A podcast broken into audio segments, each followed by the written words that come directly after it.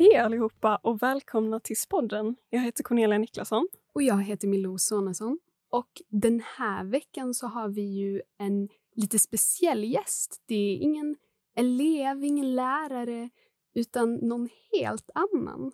Idag så gästas vi av skådespelare och komiker och före detta spikist Nour El Refai. Välkommen hej, Nour! Hej! hej!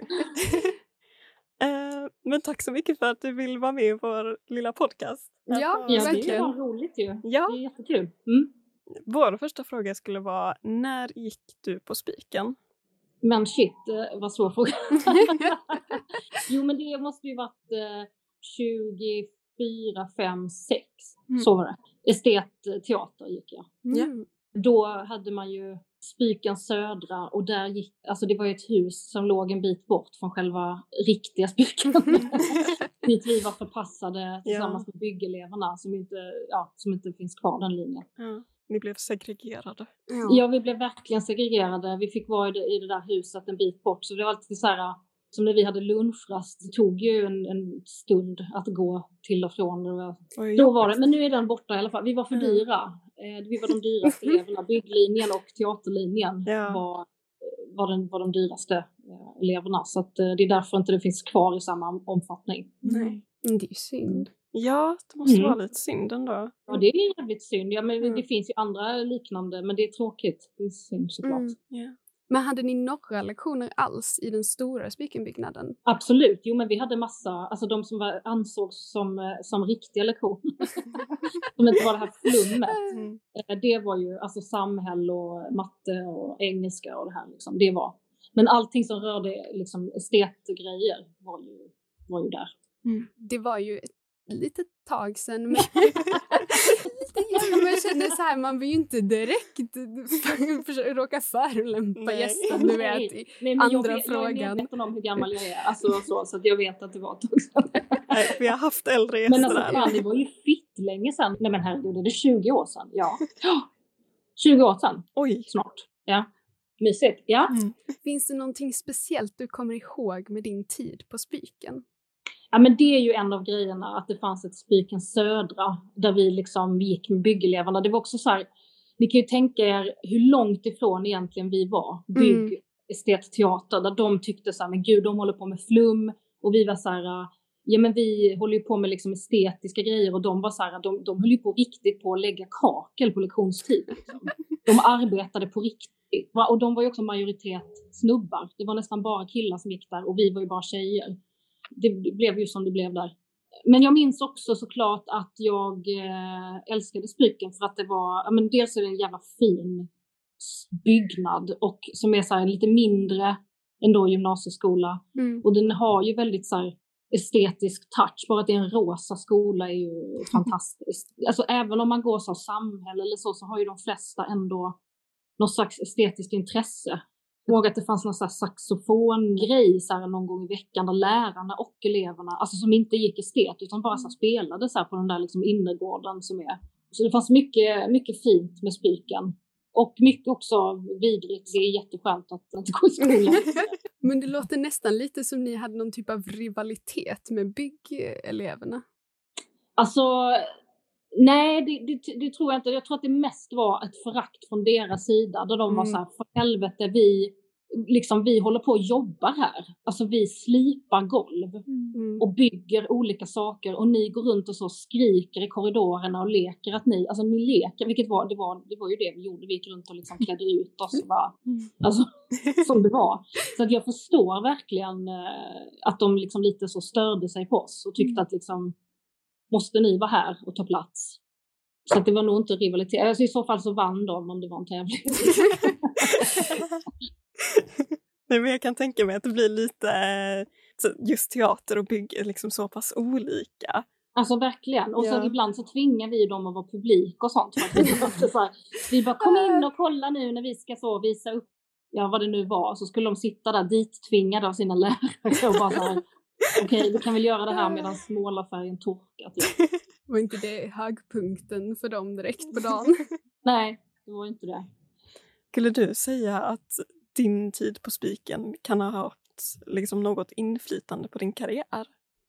Ja, alltså det som har varit avgörande för min karriär har ju varit att jag fick göra, alltså gå i skolan och hålla på med det jag tyckte om. Det gjorde jag ju inte innan. Alltså grundskolan och högstadiet var ju bara full av klassisk skolgång och byken förstärkte ju det här intresset jag hade och gav mig en känsla av att jo men det här kan jag nog få hålla på med och jag kände att jag, ja men jag fick utöva det mer och hålla på med skådespeleri och känna att jag var duktig och jag blev liksom, fick beröm från massa håll och ja, så det blev jag ju stärkt i. Det var lärare som inte var mina egna som var runt mig på andra linjer eller ja, som peppade mig. Byggde upp ditt självförtroende. Ja men absolut. Sen gjorde jag ju väldigt mycket vid sidan om skolan, alltså med teater och jag började ju hålla på med film och teater redan mm. i gymnasiet. Så jag, hade ju liksom gjort mina, jag gjorde mina första roller de där åren. Så att alla de där åren, alltså 16, 17, 18 var ju helt avgörande ändå. Både mm. liksom i skolan och fritid.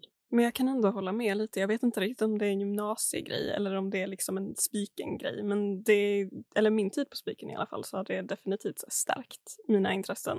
Mm. I det här fallet för media. Vilken linje går ni, alltså förlåt inte linje, vilket, vilket år, när går ni trean? Ja, ja trean. Ja. Vi ska ta studenten snart. Det, Eller ja. snart och snart, om ett år. Har ni precis börjat? Ja. Mm. Mycket val, mycket beslut. Ja, typ vad ska man göra resten av livet? jo, men, men det är ju det som är jobbigt med att vara i den åldern, att man tänker att saker är avgörande eller att det är så viktigt och vad gör alla andra och det är sån jävla press alltså. Men det finns ju gott om tid kvar att uh, vara ängslig över vad man ska göra i livet och sånt där. Så det, mm. Men det är svårt, jag vet att man säger så här, nej men nu ska man njuta när så här saker inte är jobbigt, för det är ju jävligt jobbigt och pressat och mm. mycket liksom. Det är bra att få lite livstips lite. av självaste Nour eller ja. men Det var jävligt kul att ta student i alla fall, det tänker yeah. jag så här, det är verkligen skitroligt. Mm. Mm. Framförallt Spyken eh, tycker jag där det är så lag, det är inte så jävla många som ska ut. Liksom. Mm, ja. blir, eh, man hinner, alltså man drunknar inte i alla andras utan det är verkligen kul. Mm. Men det tycker jag också är väldigt mysigt med Spiken, att det är liksom en mindre och mysigare skola. Mycket större mm. än mitt högstadie. Men ändå. Mm. ja men verkligen. Det är ju, det känns, Spiken känns i alla fall mycket mer intim. Jag kommer ihåg alltså, man kunde ha en relation till andra elever och liksom andra lärare som inte var ens lärare för att mm. man, ja, det var liksom en sån känsla där, det kommer mm. jag ihåg. Ja, det tycker jag också. Den, är, den känslan är kvar. Sen har vi också nu fått mycket frågor från våra Instagram-följare. Ja, vi mm. brukar göra ja. ett segment på den här podcasten att vi låter våra följare ställa Instagram-frågor. Ja. Eh, så har vi frågat dem vad de vill fråga dig. Mm. Den första frågan var vilket var ditt favoritställe att hänga efter skolan i Lund? Så jag hängde ju jättemycket på Argman eh, under hela gymnasietiden. Det är ett väldigt bra ställe. Jag är inte ja. Lundabo så jag vet inte vad det är för något. Nej, men det är ett café och en bar. Det blir en bar och en klubb sen på kvällen, men det är liksom ett sånt där klassiskt vänsterhak, alltså i alla fall då. Jag tycker liksom när jag var tillbaka till Argman nu att det fortfarande har lite samma Alltså det är tiden har stått stilla lite där. Så där var vi ju skitmycket alltså efter skolan. Mm. Men det är väldigt mysigt där. Ja. ja. Det låter lite spännande nu när man blir 18 så kanske... nej, men vi var där innan 18 för det är ju ett café. Ja. Eh, så att eh, vi var där på kaféet och sen såklart när man var 18 så kunde man gå på klubben där liksom eller ja, festa. Det var ju en viss typ som drogs dit som man typ kanske gillade lite mer än alla andra. Ja. Lite mer your kind of people. ja men exakt. Ja. Någon undrar då nästa fråga. Eh, vad är ditt roligaste minne från Spiken? Ja, men, nej, men jag har jättemånga roliga minnen men jag var ju bästis med eh, Matilda som då var min klasskompis också. Och vi eh, fann ju varandra liksom första dagen och sen så vi hittade på så jävla mycket bus. Alltså vi gjorde bara, alltså så barnsliga bus där vi liksom köpte chokladbollar och kletade på alla toaletter, alltså så. Men, men jag kommer ihåg också, jag hittade, alltså det här är så jävla sjukt, men jag hittade en mus i matsalen. Va? Var i matsalen? alltså, Va? jag hittade en, rikt, en riktig levande mus i matsalen. Alltså jag satt och käkade så jag bara sprang förbi en mus. Och bara, men, men va? Vad är det som händer? Ja. Bara liksom vid borden? Och, ja, den sprang omkring där liksom. Bara, vid borden. Och jag bara, men alltså alltså det här låter som en helt sinnessjukt påhittad historia, men det här är det var flera vittnen till detta. Och jag bara, my god, en mus var gullig, så här, tog den, adopterade den, köpte en bur till den. Eh, och sen så blev jag, och det blev en liksom grej att folk bara shit Nour hittade en mus i matsalen, oh my god vad är det som händer typ. Och så blev jag tillkallad, alltså inkallad hos rektorn. Eh, och, och han då var så här, alltså det här, det här stämmer, här har ju du hittat på. Eh, det är klart att det inte finns möss i matsalen. Och jag bara, fan det är klart jag inte ljuger. Och han, ty han tyckte ju redan kanske inte om mig så mycket. Så han, han, tyck han trodde verkligen att hon vill bara skapa problem för skolan. Och tysta ner det där. Och sen ta mig fan samma dag hittar jag en till jävla mus. Och jag bara, alltså vad är det för, har folk släppt ut möss framför mig? Varför springer de till mig? Alltså, och, och, det var jättemånga som såg det här och började skrika och så här. Så då hade jag två möss och sen hade vi också en katt som då tyvärr eh, ja, mördade dem efter tre veckor. Jag hade inte så länge, ja det var ju hemskt. Men eh, så var det, så det är ju ett jävla sjukt minne att jag hittade den där mössen. Gud. Äckligen. Ja. jag vet inte vad jag ska alltså, säga. Alltså här små gulliga möss som ja. är jättesöta. Alltså det låter ja, nästan... Det, alltså det är ju, hade, hade liksom hälsovårdsmyndigheten kommit hit hade de ju stängt ner skolan. Ja. Så det var ju därför rektorn bara, nu är det du som håller käften. du får inte lov att säga det här. Nej. Nej. Jag har for the record aldrig hittat en mus i matsalen. Nej men det är klart det är ingen Nej. som har gjort det före eller efter. Det var ju därför också så här, Ja. det var så här, thank God att det var mitt när vi satt och åt, det var ju flera som, som såg det. Ja. Det var ju inte bara jag. Ja. Och, eh, ja, men ja, nej det var ju lite sjukt. Ja. Men just att du också tog hem den.